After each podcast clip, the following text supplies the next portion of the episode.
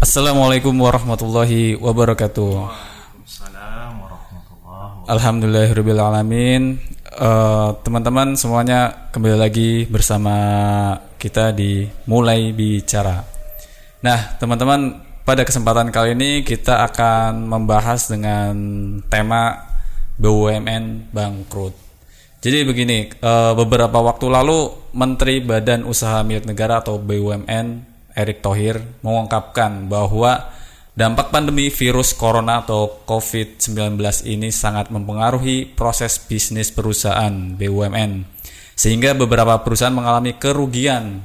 Erick menyebutkan BUMN selama 10 tahun terakhir telah berkontribusi terhadap pajak PNBB dan dividen sebesar 3.282 triliun. Beliau mengungkapkan namun suka tidak suka pada 2019 dan 2020 semua terdampak COVID-19. Kalau melihat data-data perbandingan pendapatan BUMN dibandingkan dengan tahun-tahun sebelumnya sangat merosot ucapnya. Nah, kali ini kita ditemani dengan panggilnya apa nih? Kang, Mas. Apa aja boleh? Oke, kita sapa dulu ya. Assalamualaikum Kang Sigit. Waalaikumsalam Kang Zaid. Alhamdulillah. Di malam hari ini Jumat 11 November. Eh, salah. 5 November ya. November. Bulan 11 maksudnya. Siap. Apa yang terjadi nih sebenarnya? Kenapa bangkrut terus? Iya. Ya, baik sobat sekalian, ya. Ini eh, sebuah tema yang memang sebagai seorang apa ya, seorang pemuda ya, seorang pemuda kita juga meng- mengamati ya, mengamati berbagai fenomena, berat, berbagai kabar maupun berita yang kita temui baik di media cetak ya maupun di media online ya. Ini sering kali kita dengar ya beberapa pengamat mengatakan bahwasannya ada sesuatu masalah ya yang terjadi di BUMN gitu ya di negeri ini gitu. Apa saja sih mungkin sebagian dari kita ada yang uh, mungkin kurang mengikuti ya sehingga uh, kurang paham sebenarnya apa sih yang sedang terjadi di uh, BUMN kita gitu ya seperti itu. Ini saya langsung berbicara dari A sampai Z atau seperti apa nih Bu? Oke, Pembukaannya. apa? Jadi mungkin teman-teman bertanya-tanya eh, setiap kali setiap tahun ya kita menyaksikan mendengarkan berita nasional yang BUMN itu selalu bangkrut. Padahal contoh misalnya seperti PLN sendiri, kita menggunakan listrik, semuanya mana yang tidak menggunakan PL apa listrik? Hampir seluruh daerah menggunakan listrik, bahkan daerah tertinggal yang belum ada listrik, mereka istilahnya merengek lah untuk dialirkan listrik ke tempatnya mereka. Dalam arti menurut pandang saya sebagai orang awam harusnya untung dong. Kenapa merugi gitu? Ya. Ya.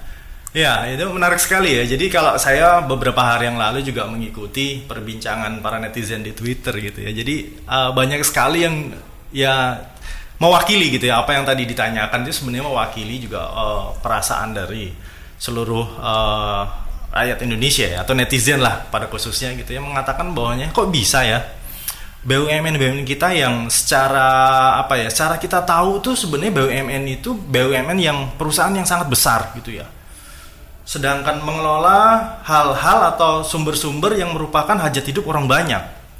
Dan yang kita tahu bahkan ya untuk beberapa BUMN itu adalah BUMN yang dikatakanlah monopoli gitu ya. Kok bisa rugi gitu ya? Padahal nggak ada musuhnya atau nggak ada lawannya ya kan? Harusnya secara secara rasio secara bagaimana manajemen sebuah perusahaan ya seharusnya ya potensi besarnya adalah meraup untung besar gitu. Ya, bahkan bahkan ya kalau kita uh, ada salah satu celotehan gitu ya yang menarik bagi saya. Perasaan saya nggak pernah beli bensin utang ya. Beli bensin selalu cash. Kok bisa rugi sih? Gitu. Kemudian juga eh dengar-dengar katanya PT Garuda Indonesia itu mengalami bangkrut ya.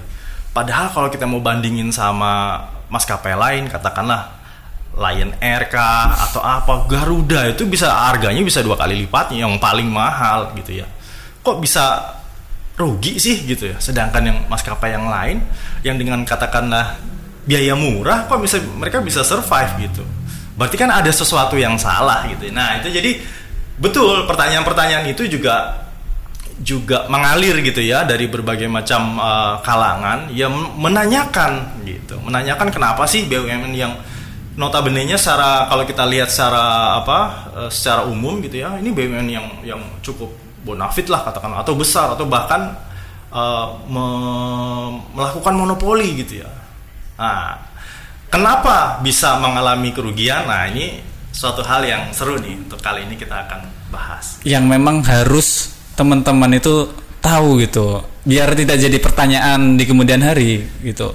Jadi sebenarnya apa yang terjadi ini? Nah, ya. bikin penasaran kita nah, nih. seru kan? Nah atau sebagian sobat udah ada yang mengira-ira gitu ya. Sebenarnya apa nih uh, masalahnya gitu ya. Baik kita coba ya.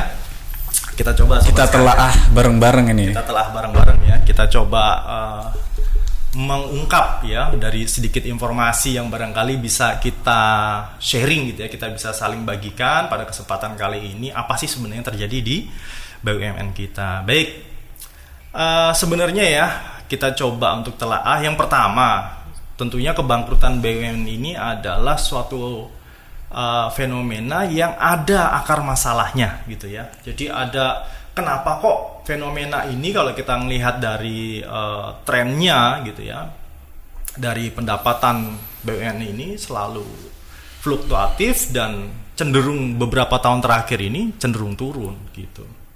Nah sebenarnya masalahnya apa? Baik kita coba telah ya masalah uh, apa sih sebenarnya penyebab dari kebangkrutan BUMN di Indonesia ini gitu ya.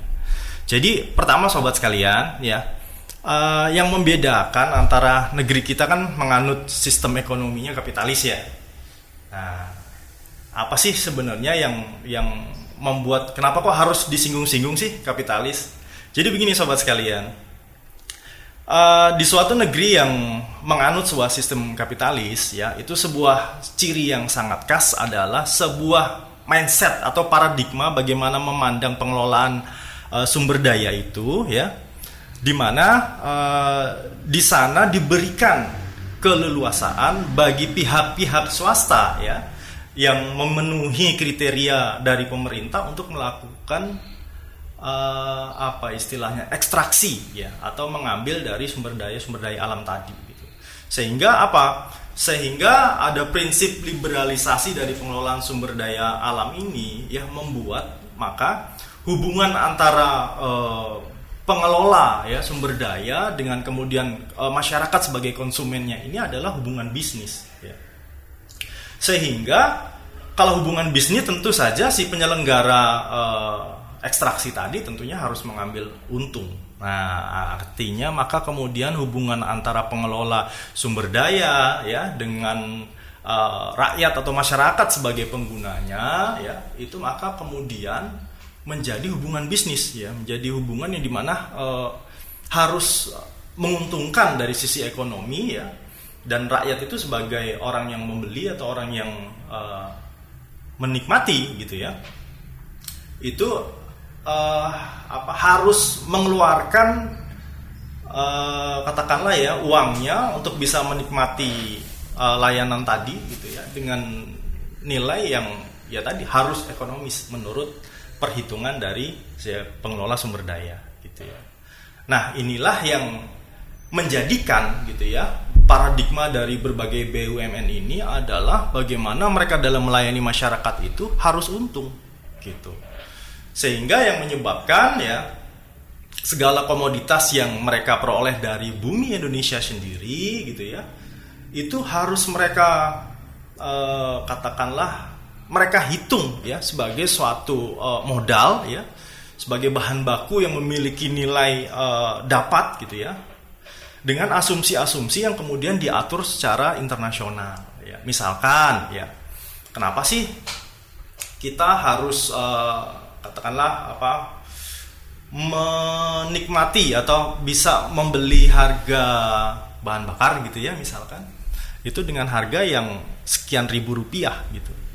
Dan sekarang ya kalau kita dengar kabar terakhir itu ada wacana untuk menaikkan pertalite ya. Setelah premium hilang kan sekarang BBM yang paling murah adalah pertalite ya dengan 7.650 nah ini wacananya akan minta dinaikkan dengan alasan Pertamina mengalami kerugian dengan menjual uh, Pertalite dengan harga uh, 7.650 tadi gitu ya. Nah, sebenarnya apa yang menjadi dasar pemikiran dari Pertamina ya? Kok merasa bahwasannya mereka menjual produk mereka itu di bawah harga keekonomian gitu.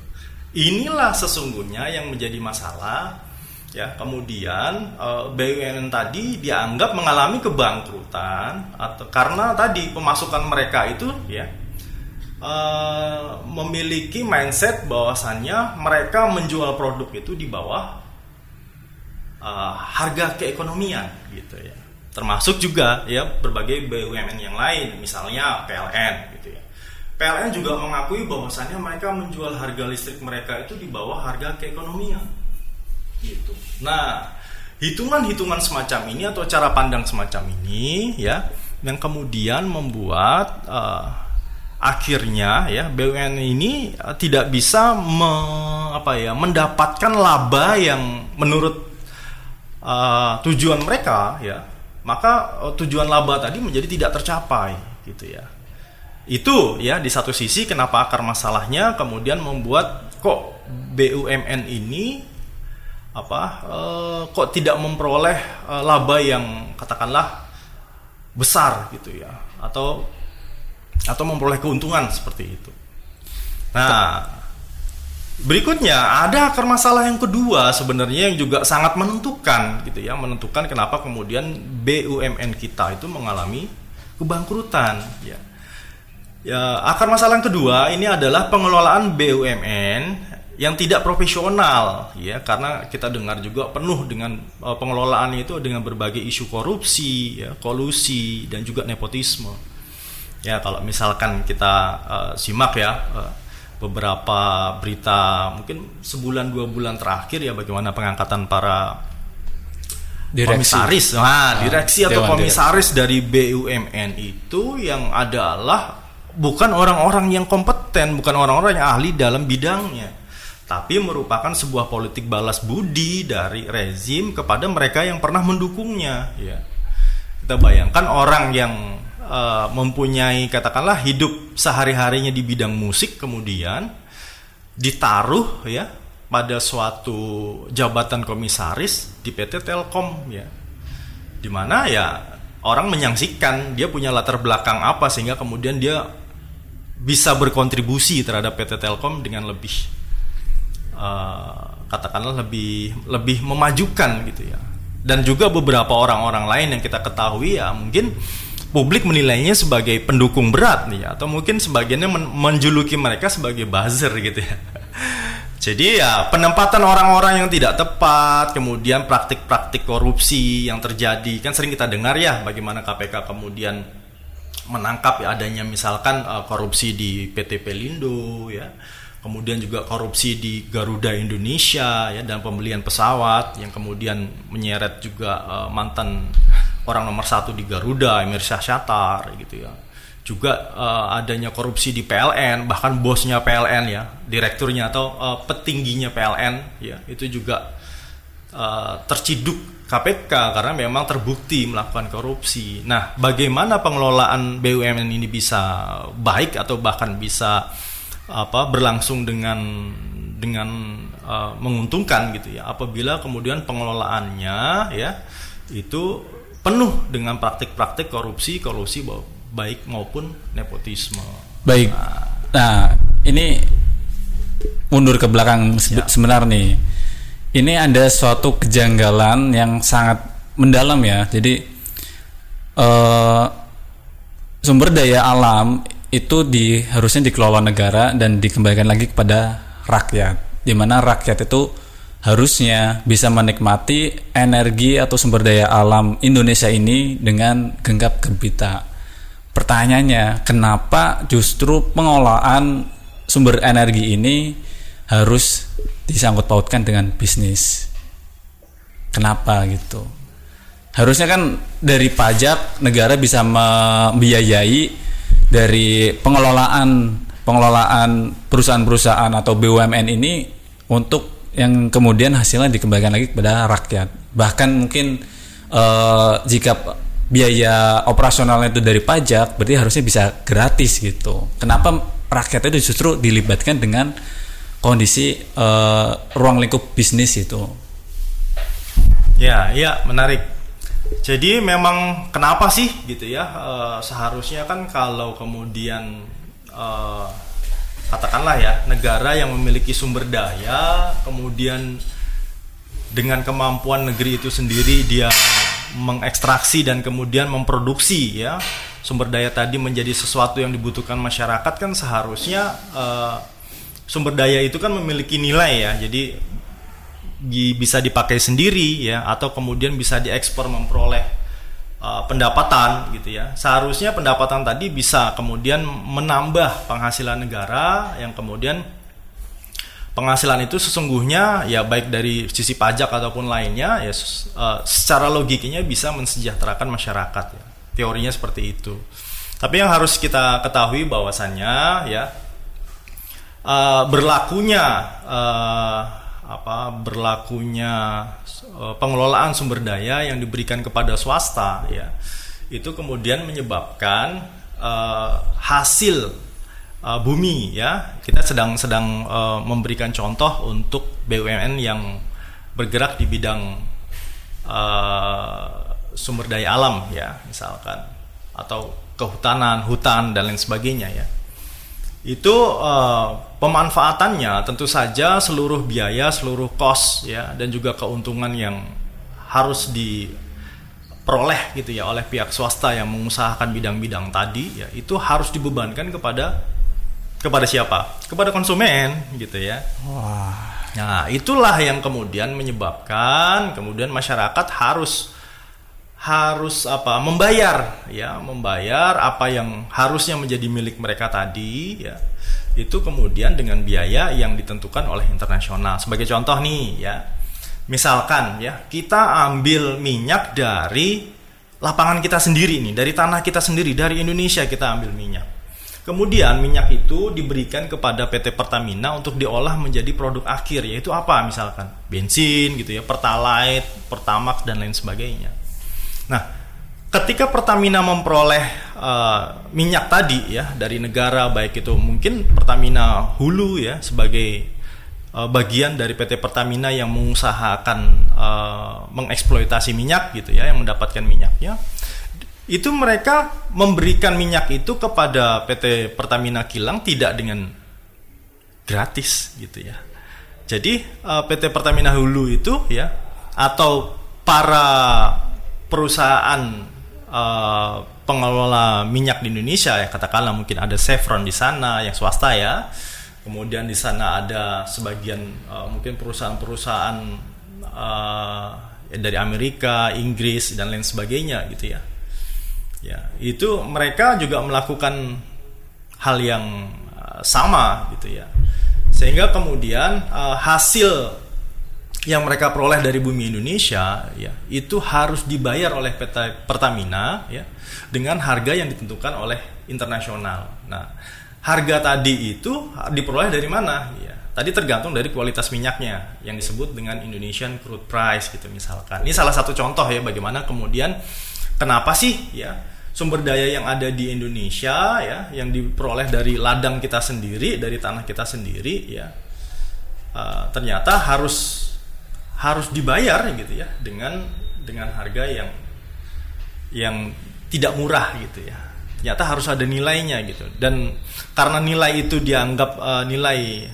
uh, seolah-olah disamakan dengan kita membeli net dari luar negeri gitu ya harganya disamakan ya maka kemudian barang tersebut ya menjadi uh, barang yang komoditas yang mahal. Ya, itu salah satu yang membuat kemudian kenapa uh, eh, BUMN itu ya harus memperoleh uh, laba gitu ya ketika kemudian dia mengupayakan ya uh, pelayanan terhadap uh, masyarakat gitu.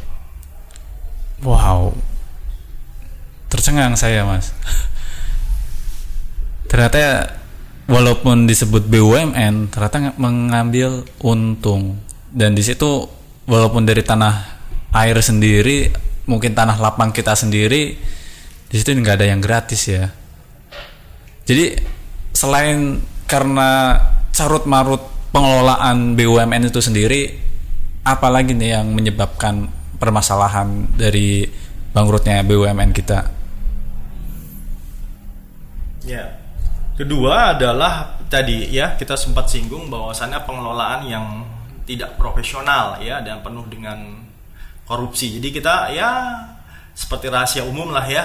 Kita tahu praktek-praktek uh, eh, BUMN ini ya penuh dengan cara-cara ya atau bagaimana manajerial yang kurang efisien ya. Kemudian juga ada berbagai macam tindakan yang katakanlah kolutif gitu ya. Yang penuh dengan uh, sesuatu yang ilegal dan semacamnya. Ada juga ya kebijakan yang katakanlah aneh ya atau Eh, katakanlah tidak efisien sebenarnya kalau ditinjau dari sisi ekonomi. Contohnya ya. Contohnya adalah bagaimana di PT Pertamina ya sebagai induk perusahaan uh, eh, BUMN yang bergerak di bidang sumber daya minyak ya. Di sana PT Pertamina memiliki banyak anak perusahaan ya di sana ada PT Pertamina Hulu Energi, kemudian di sana ada PT Pertamina Geothermal, di sana ada PT Pertamina Drilling Service dan lain sebagainya. Sehingga bahkan hingga puluhan atau bahkan ratusan dari anak perusahaan PT Pertamina. Ya. Nah, ketika kemudian uh, anak-anak perusahaan ini melakukan interaksi ya, maka mereka uh, seperti halnya interaksi entitas bisnis ya antara hubungan PT dengan PT tentu saja ada hubungan bisnis ya sehingga kemudian dari uh, apa dari apa misalnya tadi saya beri contoh ya PT Pertamina Hulu dia menyelenggarakan atau mendapatkan minyak dia harus jual ke PT Pertamina. Makin banyak anak usaha yang kemudian uh, berinteraksi ya di dalam Pertamina itu sendiri menghasilkan produk akhirnya itu kosnya akan menjadi sangat besar gitu ya. Karena setiap hubungan antar dengan uh, apa anak-anak perusahaan tadi di sana kan tentu saja ada ada melibatkan margin bagi entitas anak itu sendiri gitu ya. Ada hubungan bisnis akhirnya. Ada hubungan bisnis antar anak-anak perusahaan. Padahal ya tren di dunia itu ya perusahaan-perusahaan itu justru melakukan merger ya atau melakukan uh, katakanlah penggabungan. Penggabungan. Nah gitu ya. Menjadi penggabungan sehingga kemudian di antara mereka itu bisa mengurangi kos-kos yang seharusnya uh, tidak perlu dikeluarkan ketika mereka menjadi satu entitas yang yang yang besar yang induk gitu ya semacam itu. Nah jadi banyaknya anak perusahaan ini sesungguhnya kalau ditelah secara ekonomi itu sebuah upaya yang tidak efisien. Jadi di sini ingin saya menyampaikan uh, bangkrutnya BUMN salah satunya adalah bagaimana pengelolaannya secara manajerial yang tidak efisien ya di situ. Kemudian ya uh, di sisi yang lain ada juga hal-hal ya masih dalam bagaimana pengelolaan BUMN adalah banyaknya investasi yang sia-sia. Coba ya teman-teman kan sekarang denger nih ya, Bandara Kertajati itu kan di apa ya dibuat dengan biaya yang sekian triliun sangat besar dilakukan kemudian di apa dikerjakan oleh BUMN karena perintah dari dari pemerintah gitu. Dari mana modalnya? BUMN itu bisa jadi adalah modal penyertaan dari pemerintah ya maupun kalau kemudian dananya kurang maka BUMN itu harus melakukan hutang ya Ya, lazimnya sebuah perusahaan yang melakukan usaha dengan berhutang, maka usaha tadi ketika kemudian sudah jadi diharapkan ya dia memperoleh pengembalian yang layak sehingga dia bisa mengembalikan utangnya. Nah, sekarang ya banyak sekali fenomena pembuatan ya infrastruktur-infrastruktur yang berbiaya besar ternyata tidak digunakan sebagaimana mestinya atau tidak layak atau bahkan seolah-olah kita melihatnya ini perencanaannya bagaimana sih gitu ya jadi banyak sekali BUMN yang kemudian melakukan uh, apa katakanlah eh, proyek-proyek gitu ya yang kemudian ditugaskan oleh negara ya. Tapi kemudian tidak secara bisnis atau secara apa secara ekonomi tadi tidak tidak tidak ekonomis lah katakanlah seperti itu. Sehingga kemudian eh, beban-beban ini membuat BUMN mengalami hutang yang sangat besar ya Bahkan ya kalau kita amati uh, berita terakhir PT Waskita Karya itu ya memiliki jalan tol ya sebagai sebuah BUMN yang bergerak dalam pembuatan jalan tol ya itu mengalami defisit ya mengalami defisit sehingga kemudian keuangannya mengalami hutang yang sangat besar ya. Akhirnya solusi satu-satunya adalah dengan menjual ya menjual hampir seluruh dari uh, jalan tol yang kemudian dibuatnya itu kepada swasta gitu. Supaya apa? Supaya tadi dia memperoleh uh, fresh money untuk kemudian dia bisa membayar kewajiban-kewajibannya gitu. Nah, ya, jadi kemudian terjadinya uh, ketidakprofesionalannya dalam pengelolaan BUMN ini membuat ya ya akhirnya BUMN ini mengalami kesulitan gitu ya. Bisa dikatakan yang menjelang bangkrut gitu ya.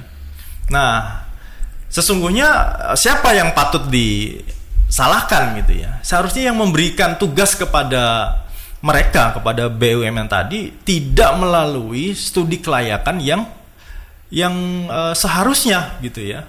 Bagaimana kemudian LRT di Palembang ya dibuat dengan biaya yang sekian triliun. Selesai acara waktu itu kan dibuat untuk sebuah uh, apa pagelaran Asian Games kalau nggak salah ya. Iya betul. Nah itu kan, wah digadang-gadang kita turun dari bandara, kemudian naik kereta ke venue-nya gitu ya. Kemudian setelah uh, acara pagelaran itu selesai, ya bahkan sekarang untuk mengikuti operasionalnya saja tidak nutup. Artinya hitung-hitungan bagaimana operasional LRT itu ternyata tidak tidak apa tidak sanggup ya untuk di, dibayar oleh para penggunanya gitu ya. Jadi kemudian membuat orang enggan untuk menaik LRT tersebut karena mahal ya dan ada opsi-opsi yang lain ya mungkin angkutan umum dan lain sebagainya. Sehingga akhirnya menjadi proyek mangkrak padahal ya pembiayaannya untuk untuk membuat itu tidak murah dan itu dilakukan oleh BUMN. Nah, model-model semacam ini ya di BUMN yang lainnya ya itu juga mengalami hal yang serupa gitu ya. Contoh lagi, misalkan PT Garuda Indonesia. Kenapa sih PT Garuda Indonesia itu kemudian mengalami hutang yang sedemikian banyak? Memang ya eh, salah satu dampak yang terbesarnya adalah adanya ya praktek eh, penyimpangan ya dalam pengadaan mesin pesawat ya. Jadi di sana ada ada katakanlah kelebihan bayar atau PT Garuda membeli sebuah pesawat dengan harga yang uh, lebih mahal ya dibanding harga pasar yang semestinya. Ya, maka kemudian ketika kemudian uh, terlalu mahal ya dibanding harga sewajarnya, ya ini akhirnya beban hutang eh, PT Garuda itu menjadi sangat besar ya ketika kemudian terjadi sebuah pandemi ya dan kemudian aktivitas mereka hampir dikatakan berhenti total maka bagaimana mereka bisa uh, membayar ya beban-beban tadi ya untuk menyelesaikan kewajiban-kewajiban mereka ini kan tentu saja menjadi menjadi uh, apa ketidakmampuan gitu ya bagi PT Garuda itu untuk melaksanakan kewajibannya. Nah, beberapa contoh ini ya sungguhnya bisa um, ada benang merahnya apa? Kesimpulannya adalah adanya pengelolaan dari BUMN tadi yang dilakukan tidak uh, semestinya ya tidak secara profesional efisien ya dan sebagainya. Nah mismanagement inilah yang membuat sebagian dari beberapa BUMN uh, besar ya di negeri ini itu mengalami uh, kesulitan ya kalau bisa dikatakan ya nyaris bangkrut lah seperti itu Mas Jait. Nah ini unik nih disinggung tadi masalah merger. Menteri Erick Thohir itu uh, sempat merger tujuh perusahaan BUMN di Indonesia menjadi tiga perusahaan. Nah apakah merger ini ketika di last minute sudah dalam tanda kutip sudah bangkrut apa itu suatu langkah yang tepat? Atau bagaimana nih karena posisinya udah bangkrut nih.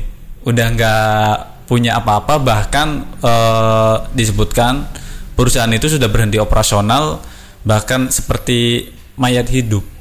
Tidak ada kegiatan sama sekali. Baru dilakukan merger. Apa ini bisa disebut suatu solusi atau langkah yang terlambat Ya, sebenarnya selama ya uh, ide itu didasari, dilandasi sebagai sebuah strategi, strategi apa BUMN supaya mereka tetap bisa, bisa survive. Bisa survive ya. Dari sisi manajerial dengan pertimbangan yang baik bisa saja itu dilakukan. Namun sering kali ya yang kita dapati ya adanya penggabungan beberapa beberapa BUMN itu karena uh, suatu uh, apa suatu maksud gitu ya dengan tanda kutip itu membebani BUMN yang lebih besar atau lebih sehat. Jadi ibaratnya seperti apa ya? Uh, digabung itu bukan untuk membuat uh, apa penggabungan itu menjadi lebih baik, tapi seolah-olah sebagai sapi perah gitu ya. Jadi perusahaan-perusahaan yang memiliki utang katakanlah tadi uh, besar tadi ya katakanlah kesulitan kemudian digabungkan dengan perusahaan yang relatif lebih baik lah ya sehingga kemudian tadi beban mereka itu menjadi ditanggung uh, bersama gitu ya atau sebenarnya ya ditanggung oleh BUMN yang katakanlah mungkin nasibnya lebih lebih profit lebih, lebih gitu ya. profit ya. gitu. Nah, sebenarnya maksudnya ke sana gitu. Karena untuk memperoleh uh, apa katakanlah bantuan dari pemerintah sendiri itu sebuah hal yang mungkin sulit ya karena pemerintah sendiri juga dari sisi apa uh, keuangannya juga tidak begitu baik bahkan hutangnya sangat luar biasa gitu ya sehingga kemudian cara yang paling mungkin untuk dilakukan adalah semacam itu. Jadi sebenarnya hal itu ya bukan tanpa resiko ya. Maka bisa jadi kemudian dengan dibebani beban-beban tadi, ya, penggabungan tadi ya tadi ya. Kalau kemudian niatnya adalah untuk memperbaiki kinerja sehingga lebih efisien ya seharusnya dilakukan di awal. Tapi ketika kemudian dilakukan dalam uh, posisi di mana kemudian yang digabungkan tadi adalah BUMN yang tanda kutip ya sudah dalam keadaan sakit ya kemudian ditempeli atau digabung dengan BUMN yang profit tadi maka ya tadi mau tidak mau profit tadi harus uh, di share ya harus diupayakan untuk bisa menutupi uh, kondisi dari BUMN lain yang dalam kondisi yang tidak sehat ya dikhawatirkan gitu ya justru malah makin banyak ya BUMN yang kemudian menjadi semakin semakin kolaps ya seperti itu. Wow, sebenarnya bukan solusi juga karena memang uh, justru akan membebani BUMN yang lebih besar. Nah, Mas Sigit, kita nih sebagai seorang Muslim, bagaimana cara memandang atau uh, istilahnya kasih solusi? Seperti apa penanganan di masa Islam? Karena memang Islam itu suatu agama yang sempurna sebagai jalan hidup, way of life. Dan kita apa uh, sebagai seorang muslim melihat carut marut pengelolaan BUMN yang tidak profesional, tidak efisien dan cenderung terlalu gemuk secara gemuk secara uh, strukturalnya dan kurang profit karena memang selalu merugikan dan bahkan ke masyarakat sendiri pun sangat merugikan kita kembali lagi bahwa seorang pemimpin itu adalah seorang pelayan untuk rakyatnya. Lalu apa peran seorang pemimpin dalam menangani BUMN di dunia? Ya.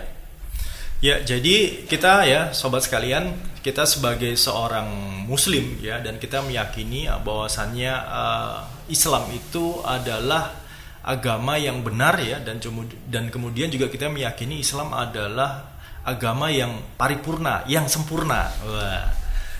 Kemarin sempat ramai juga ya, ada seorang katakanlah mungkin entah tokoh atau apa yang mengatakan Islam itu tidak sempurna. Nah, ini sebenarnya sebuah pemahaman yang perlu di challenge ya. Eh, banyak sekali dalil yang kemudian bisa mematahkan pendapat itu.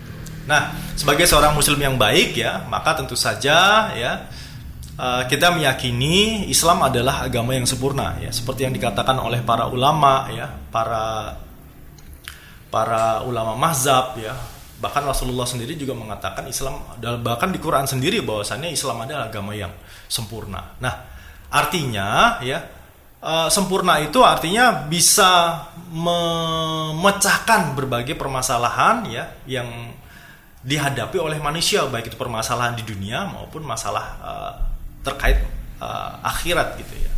Nah, bagaimana sih sebenarnya ya uh, pertanyaannya ada nggak sih ya solusi dari Islam kan katanya Islam tadi agama sempurna gitu ya.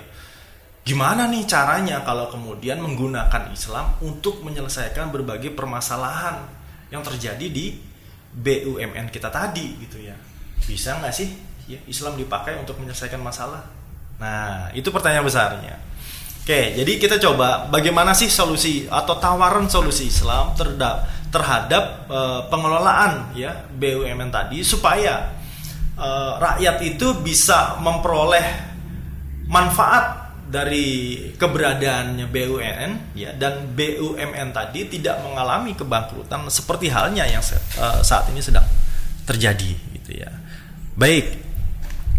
Yang perlu kita uh, ketahui ya ya sobat sekalian bahwasannya di dalam Islam pemimpin itu adalah uh, pelayan ya bukan pedagang. Jadi interaksi antara pemimpin dengan rakyatnya itu adalah melayani jadi nggak ada tuh kemudian ya e, ketika rakyatnya membutuhkan suatu kebutuhan bahan bakar katakanlah, kemudian pemimpin sebagai pengelola e, sumber daya tadi ya berinteraksi seolah sebagai pedagang ya. Jadi menjual dengan harga keekonomian. nggak ada itu di dalam Islam ya.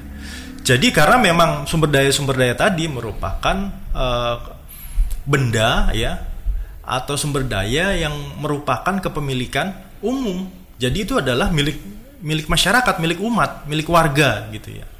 Sehingga kemudian yang harus dilakukan oleh pemimpin adalah mengupayakan agar ya sumber daya tadi bisa dirasakan manfaatnya oleh rakyat secara merata ya dengan uh, biaya yang seminimal mungkin gitu ya. Jadi kalaupun misalkan ya uh, negara yang menerapkan uh, solusi Islam tadi ya itu me, katakanlah mengadakan atau membuat bahan bakar gitu ya, maka tadi uh, dia memperoleh bahan bakar yang diambil dari ladangnya tadi yaitu secara cuma-cuma artinya nilai nilai dasarnya adalah nol gitu ya.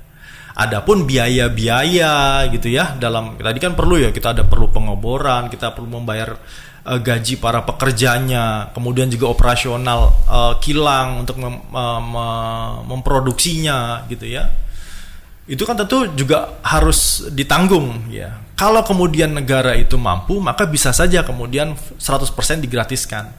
Pun kalaupun misalkan ternyata uh, negara tidak memiliki kemampuan itu, maka yang harus dilakukan adalah rakyat hanya membayar biaya untuk memproduksi minyak dari tanah dalam tanah sampai menjadi produk jadi.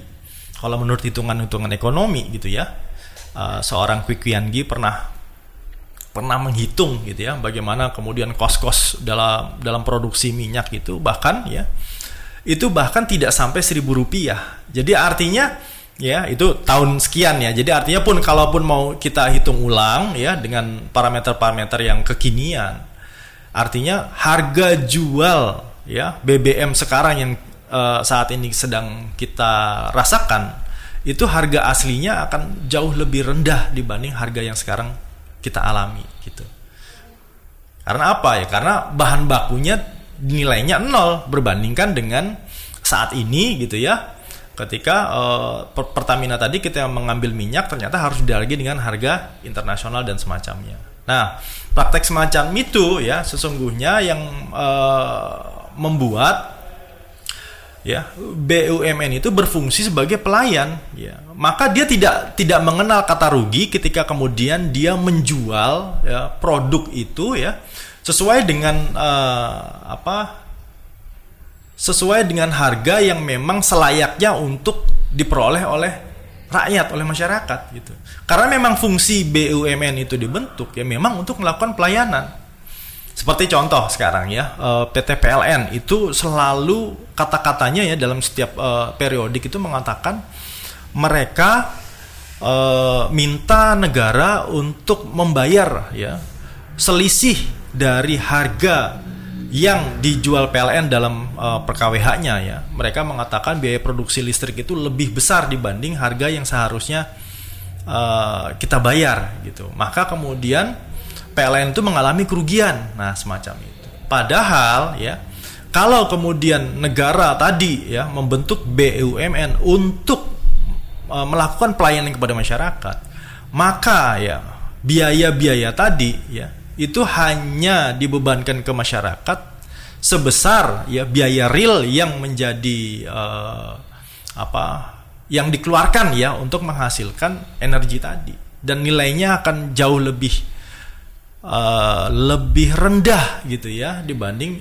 saat ini ya. Sehingga tidak ada istilah kemudian ya uh, PLN itu mengalami kerugian gitu seperti itu. Kenapa PLN kalau saat ini ya kita dengar mengalami kerugian? Karena ya tadi PLN harus membeli ya uh, untuk mengaktifkan pembangkit-pembangkit mereka ya sumber sumber energi sumber energi tadi dengan batu bara kah, dengan diesel kah atau dengan yang lain-lain ya itu dengan membeli gitu ya. Dari perusahaan uh, asing ataupun dari BUMN yang lain ya misalkan PT Pertamina harus membeli batu bara ya mungkin dia membeli batu bara kepada PT apa ya uh, eh, BUMN yang untuk masalah batu bara atau mungkin ke swasta yang mengelola batu bara dan lain sebagainya. Akhirnya yang membuat ya biaya operasional tadi dibebankan dengan biaya bahan baku tadi ya. Biaya batu bara dan lain sebagainya. Sehingga kemudian membuat ya operasional PLN tadi ya akhirnya membengkak gitu ya. Menjadi lebih besar dan lain sebagainya Nah, di ya, ya. Di sisi lain, kenapa uh, eh, BUMN yang bangkrut terus, tapi di satu, satu sisi para pejabatnya itu kekayaannya justru meningkat. Apakah memang karena pengelolaan yang salah, terus opera, biaya operasional operasional yang dalam tanda kutip menur menurut saya mungkin itu sengaja dibesarkan yang untuk kembali lagi ambil untung apa bisa dikatakan seperti itu? Ya, jadi sebenarnya yang uh, yang terjadi prakteknya pada saat ini ya BUMN itu sering uh, menjadi sapi perah gitu.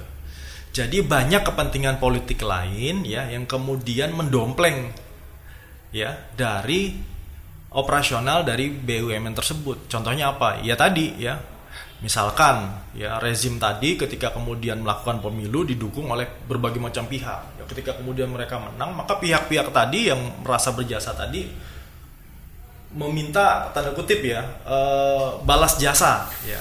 Maka kemudian ditaruhlah orang-orang tadi pendukung-pendukung tadi ya untuk e, ditempatkan ya di posisi-posisi penting di BUMN tadi ya.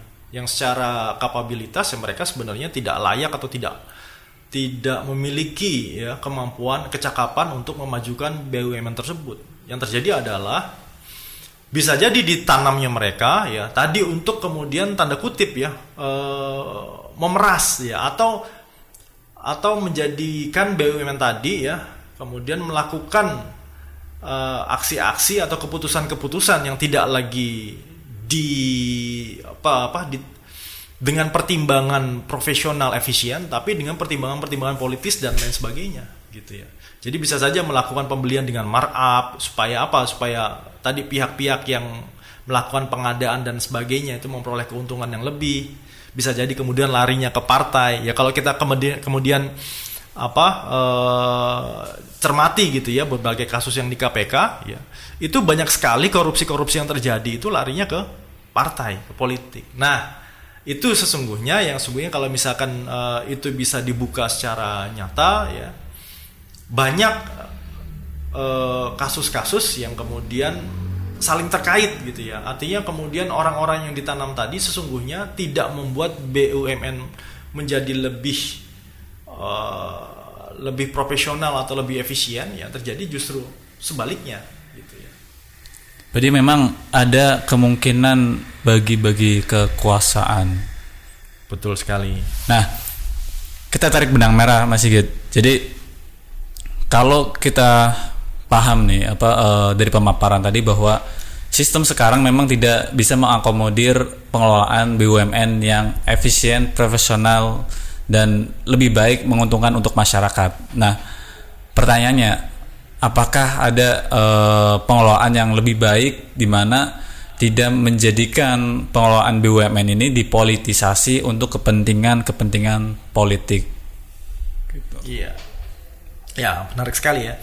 Tadi kita sudah menyinggung bahwasannya eh, masalah ya masalah carut marut terkait pengelolaan BUMN tadi bisa diselesaikan kalau kemudian menggunakan Islam sebagai solusi. Nah, itu kan menarik ya. Jadi tadi satu poinnya yang sudah kita bahas adalah bagaimana merubah paradigma ya bahwasannya di dalam Islam pemimpin adalah pelayan ya, bukan pedagang. Sehingga pengelolaan BUMN tadi ya itu uh, eh, BUMN tadi memang melakukan fungsinya sebagai pelayan pada masyarakat ya. Jadi kemudian mereka tidak mengenal rugi ketika kemudian mereka melayani masyarakat dengan sebaik-baiknya dengan pengadaan bahan bakar misalkan, dengan uh, pengadaan listrik dan lain sebagainya ya. Satu itu. Kemudian uh, dengan juga ya dengan tidak diberikannya ya uh, tadi kita kan membahas terkait masalah kepemilikan ya. Jadi ketika kemudian dalam Islam eh, barang-barang yang menyangkut hajat hidup orang banyak ya itu tidak boleh dimiliki oleh individu ataupun swasta baik lokal maupun asing. Nah itu prinsip Islam. Sehingga hal itu membuat ya uh, masyarakat itu bisa memperoleh uh, apa sumber-sumber tadi itu ya dengan harga yang yang relatif sangat murah jauh ya dibanding kemudian ketika uh, pengelolaannya itu ya seperti diselenggarakan seperti saat ini gitu. Ya. Jadi kemudian ya uh, apa masyarakat bisa menikmati ya berbagai macam sumber daya tadi dengan dengan prinsip yang apa lebih lebih murah ya. Satu lebih murah. Kedua uh, tidak ada gitu ya penguasaan penguasaan sumber daya oleh uh, pihak swasta gitu ya seperti itu. Nah iya. Jadi uh, apakah gitu uh, ada suatu SOP atau mungkin manajemen atau manajerial atau metode lebih tepat metode untuk membentengi agar tidak terjadi praktek-praktek curang di kalangan para pejabat BUMN. Apakah uh, ada suatu benteng yang bisa menghalangi uh, pengelolaan-pengelolaan BUMN yang menyimpang? Ya. Jadi ketika kemudian uh, sistem pengelolaan ya atau katakanlah uh, negara itu diatur dengan sistem Islam maka Islam itu akan membuat ya akan membuat atmosfer ya atmosfer bernegaranya itu untuk selalu tunduk taat patuh terhadap hukum-hukum Islam gitu maka praktek jujur ya praktek efisien ya praktek tidak membuang waktu ya tidak berbohong ya tidak menipu. Dan kemudian juga ganjaran bagi mereka yang melakukan tindak-tindakan uh, negatif tadi ya di dalam sistem Islam itu kan sangat tegas ya. Maka ya ketika kemudian sistem itu dilakukan atau diterapkan secara uh, menyeluruh ya maka hal itu bisa menimbulkan tercegahnya praktik-praktik yang bisa merugikan ya eh, masyarakat secara umum dan juga ya tadi penyelenggaraan BUMN tadi ya akan tercegah dari hal-hal yang sesungguhnya bisa membuat uh, operasional atau berlangsungnya BUMN tadi menjadi merugi gitu ya. Misalkan ya kita lihat kan kenapa kemudian inefisiensi sering terjadi di, di BUMN, BUMN gitu ya. Misalkan tadi banyaknya uh, eh, BUMN yang merupakan anak perusahaan dari sebuah BUMN induk. Itu kan artinya ada berapa direksi ya, ada berapa komisaris yang semuanya tentu saja kan harus punya fasilitas gitu ya. Dan fasilitas itu kalau dihitung secara total ya maka juga menjadi tidak efisien. Ditambah lagi praktek-praktek tadi gitu ya mereka ada kecurangan dan sebagainya. Apabila kemudian sistem Islam di, di digunakan ya untuk mengatur itu maka praktek-praktek tadi akan uh, akan hilang gitu ya. Bagaimana mungkin seseorang akan melakukan tindak korupsi ketika kemudian ancamannya ya atau kemudian hukum yang berlaku ketika kemudian seorang mencuri adalah uh, sangat berat sekali ya sudah sangat uh, umum ya kita ketahui bagaimana tindakan uh, pencuri dalam sistem Islam ya. potong tangan gitu misalkan Ya hal ini membuat orang tidak tidak akan melakukan uh, tindakan itu dengan berpikir beribu-ribu kali gitu. Sehingga ya uh, pengelolaan uh, BUMN tadi ya itu kan hanya salah satu dampak ya. Jadi begini, ketika kemudian Islam dilakukan, uh, diterapkan, maka seluruh syariatnya tadi ketika dilaksanakan, ya maka sistem ekonominya dengan Islam, ya kemudian tidak ada orang yang uh, apa mengalami ya kekurangan dalam uh, kebutuhan dasarnya gitu ya karena itu menjadi kewajiban negara untuk menyelenggarakannya. Sehingga ya uh, dibuat sebuah sebuah pagar atau sebuah apa ya sebuah sistem di mana sistem itu akan menjaga seseorang agar orang tersebut uh, tidak tergelincir ke dalam uh, suatu tindakan yang bisa merugikan dirinya sendiri maupun orang lain. Nah, jadi secara umumnya seperti itu. Adapun ya secara secara rincinya ya tadi dengan penerapan hukum ya, maka kemudian tindakan-tindakan apa e, penyimpangan yang dilakukan orang per orang di dalam direksi BUMN maupun pengelolaan e, kenegaraan yang lain ya mereka akan akan takut gitu ya akan takut atau akan berpikir e, beribu-ribu kali untuk mereka melakukan penyimpangan. Sehingga praktek BUMN nantinya itu akan diisi oleh orang-orang yang kompeten ya orang-orang yang bersih ya sehingga kemudian ya uh, manajerial yang baik dari uh, eh, BUMN tadi bisa melakukan fungsinya dengan maksimal sehingga bisa terhindar dari praktek-praktek uh, korupsi kecurangan yang membuat ya uh, berlakunya BUMN tadi mempro, uh, apa berada dalam kondisi yang yang buruk seperti saat ini. Kurang lebih seperti itu uh, Mas Zaid uh, bisa dikatakan sebenarnya nggak itu mungkin hanya oknum oknum di mana itu mungkin uh, manajerialnya saja yang perlu diubah. Nggak usah sampai sistem ekonominya atau apa. Uh, mungkin hanya metodenya aja yang dirubah gitu. Dan misalkan ada yang salah oknumnya saja yang dirubah yang diganti. Karena mungkin saja bisa aja dengan cara seperti itu BUMN Indonesia bisa bangkit lagi. Bisa nggak? Tanpa harus merubah secara total gitu. Ya, jadi uh, kalau kita melihat bagaimana sih praktik BUMN di negara lain gitu ya, ada nggak sih BUMN lain yang sepertinya kalau dilihat dia tidak menerapkan sistem Islam, tapi kok kayaknya uh, apa uh, baik-baik saja gitu misalkan. Ya.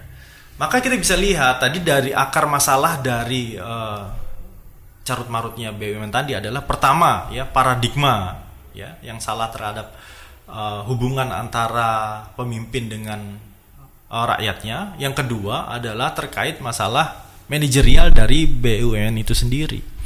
Baik, tadi kalau misalkan dikatakan oknum ya, maka bisa saja kemudian ketika uh, BUMN tadi dikelola secara profesional, misalnya kita bisa contoh ya negara terdekat apa? Singapura. Uh, Singapura itu memiliki satu perusahaan nasional ya yang itu kemudian menguasai hampir seluruh hajat hidup orang banyak gitu ya. Apa? Temasek ya. Bahkan ya yang kita tahu eh, Indosat pun perusahaan Indonesia itu juga ada saham Temasek sekian sekian persen di sana gitu. Ya, artinya ketika uh, eh, BUMN tadi ya itu dikelola dengan baik, maka secara praktek industrial gitu ya. Bisa saja kemudian fungsi BUMN tadi ya itu katakanlah uh, efisien gitu ya. Dia bisa efisien, kemudian dia bisa bekerja dengan baik ya, kemudian dia bisa uh, apa? Bisa katakanlah memperoleh target-targetnya ya dalam sistem uh, manajerial tadi ya uh, sebuah kebaikan gitu. Ya.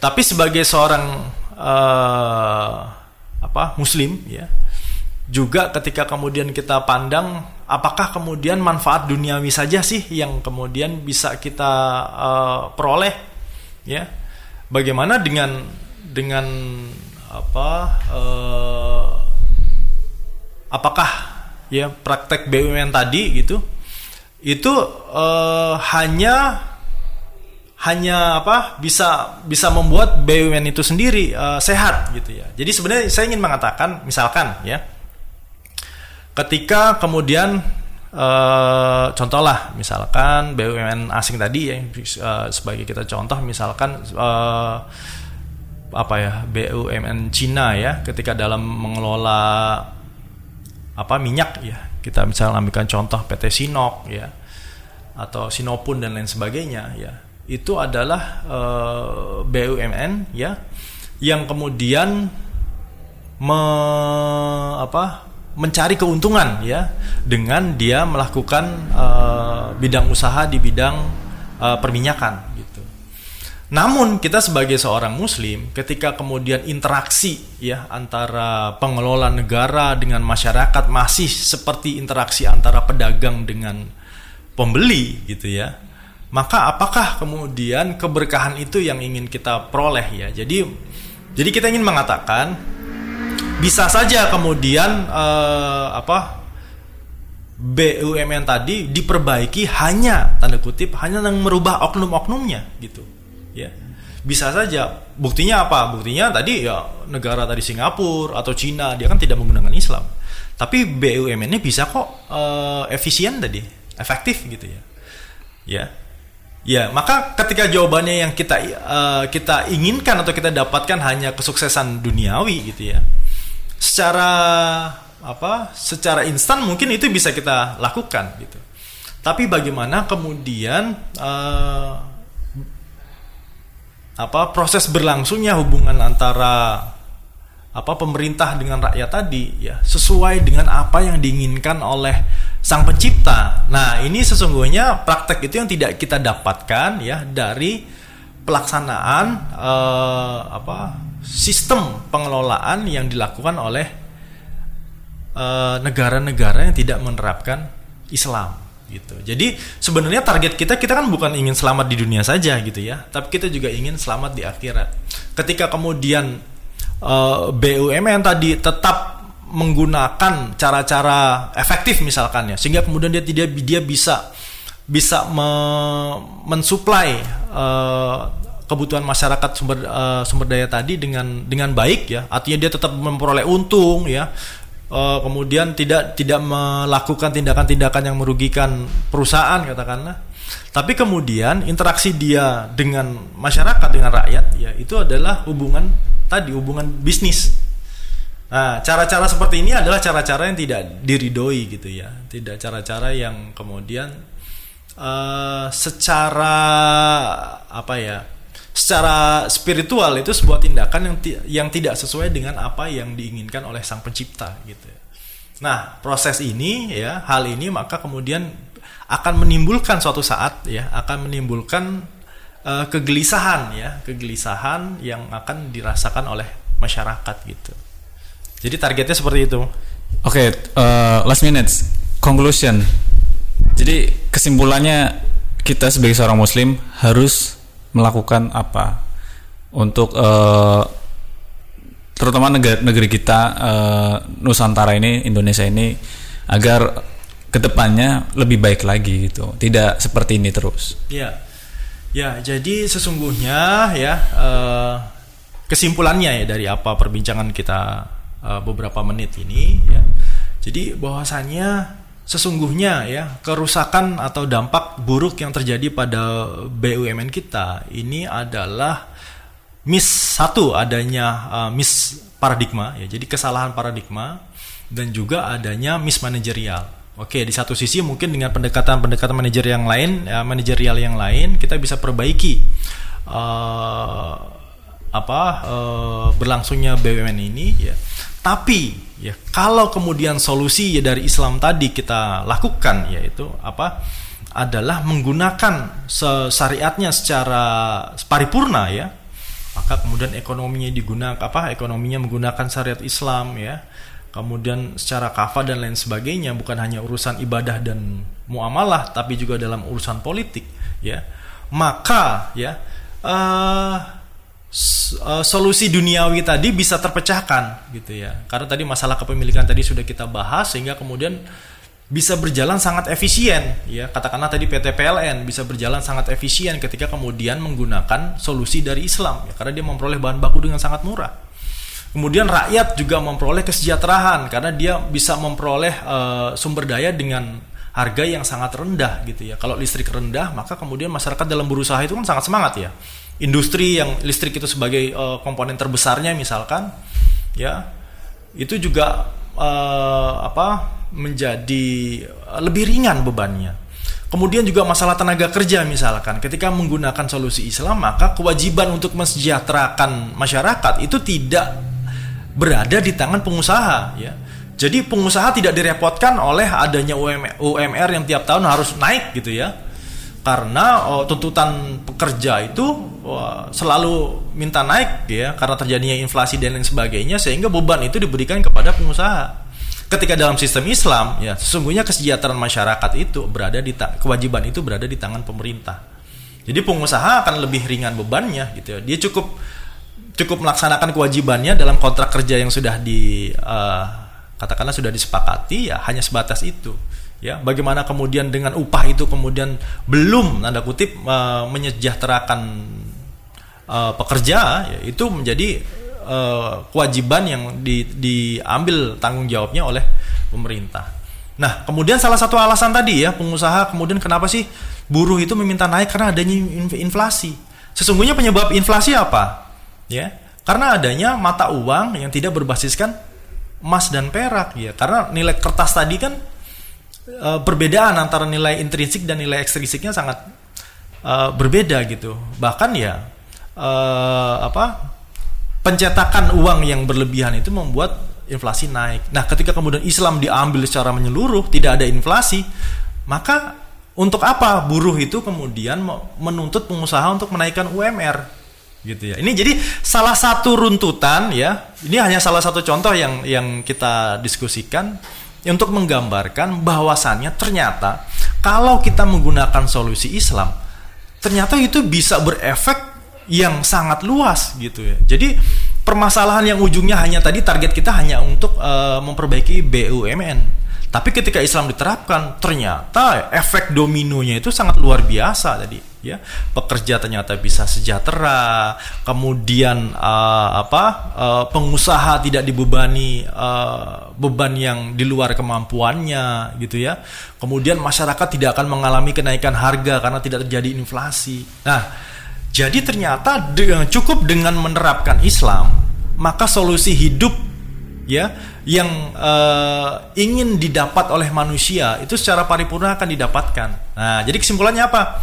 Cukup dengan kembali dengan Islam, insya Allah ya solusi hidup akan kita dapatkan dan segala permasalahannya bisa dipecahkan dengan solusi Islam, insya Allah.